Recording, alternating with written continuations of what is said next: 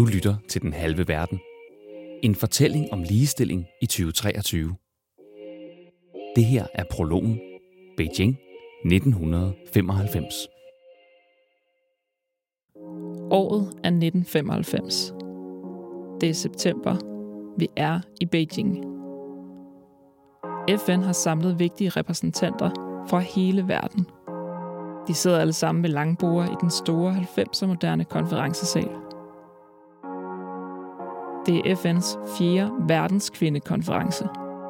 Men det bliver den mest skældsættende af dem alle. På talerstolen står en ung Hillary Clinton. Hun leverer et budskab, der er simpelt, men effektfuldt.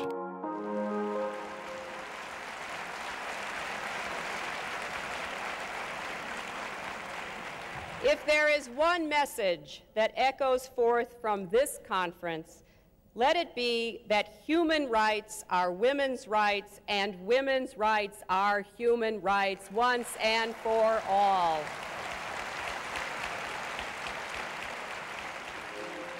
Mit navn er Mona. Jeg er barn af 90'erne. Jeg kom i børnehave iført en postkasserød sweater og grønne hjemmesyde bukser. Jeg spillede fodbold i haven med min storebror. Men over i skolegården gad drengene ikke rigtig at spille bolden til en pige. Og hvis bolden endelig kom i min retning, så vidste jeg, at jeg havde én chance, og det var bare om ikke at lave nogen fejl. Som teenager begyndte jeg på et jiu-jitsu-kursus, som hed Selvforsvar for piger. Det var sjovt at lære rullefald og træne mavebøjninger. Men jeg vil nok hellere have levet i en verden, hvor det ikke var en fordel at vide, hvordan man brækker næsen på nogen, hvis man bliver overfaldet. Mens jeg gik i gymnasiet, fik Danmark i 2011 sin første kvindelige statsminister, Helle thorning Schmidt. Og da jeg havde afleveret mit speciale i 2020, holdt Sofie Linde den tale, der startede hele MeToo-bevægelsen i Danmark. Det her er alt sammen bare nogle glimt af ligestilling i min historie.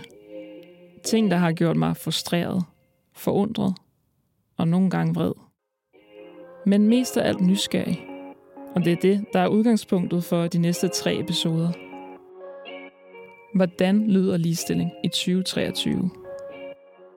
Jeg tror, det kommer an på, hvem man spørger. Kvinder er den halve verden. Det besluttede man at sætte en stor, fed streg under, dengang i Beijing i 1995.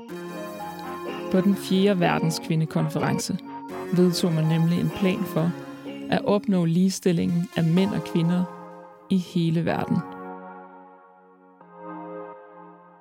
Jeg var to år dengang, og da jeg 27 år senere startede min research om ligestilling i Danmark, landede jeg først inde på Transportministeriets hjemmeside. Og det er ikke fordi, at Transportministeriet er et særligt woke ministerie. Det var bare sådan, at arbejdet for ligestilling i Danmark i 2022 lå under vores transportministerie. Det gjorde mig ikke mindre nysgerrig. De næste tre episoder er dyk ned i historien, et glimt af ligestilling anno nu 2023 og et grønt lys. Et grønt lys til at tro på, at vi kan være mere lige i Danmark. Et grønt lys til at sige det højt, hvis man har lyst. Et grønt lys til at finde på nye spilleregler. Og et grønt lys til at gøre noget. Vi er i dag 8 milliarder mennesker på jorden.